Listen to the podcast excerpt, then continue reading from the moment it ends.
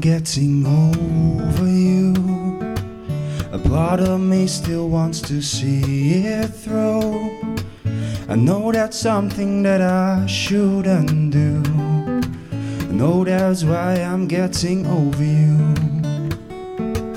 But I'm not sure if I'm missing you or the time that I've spent with you before I knew what you could do. No, I'm not sure if I'm missing you.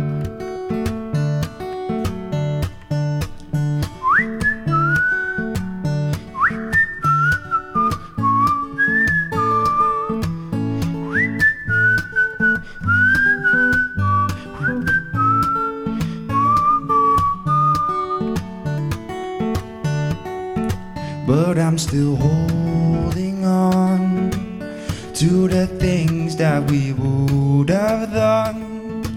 I think I need to let go of some so I can stop holding on and just move on. But sometimes I'm wondering, wondering about what could have been. Wondering about that if you would have stayed true, if I would still be in love with you.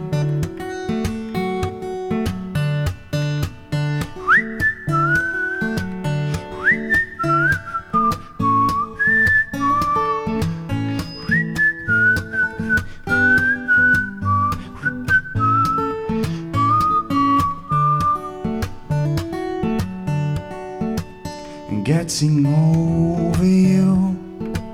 I know it wasn't so easy to do, but now I'm glad that it's finally through.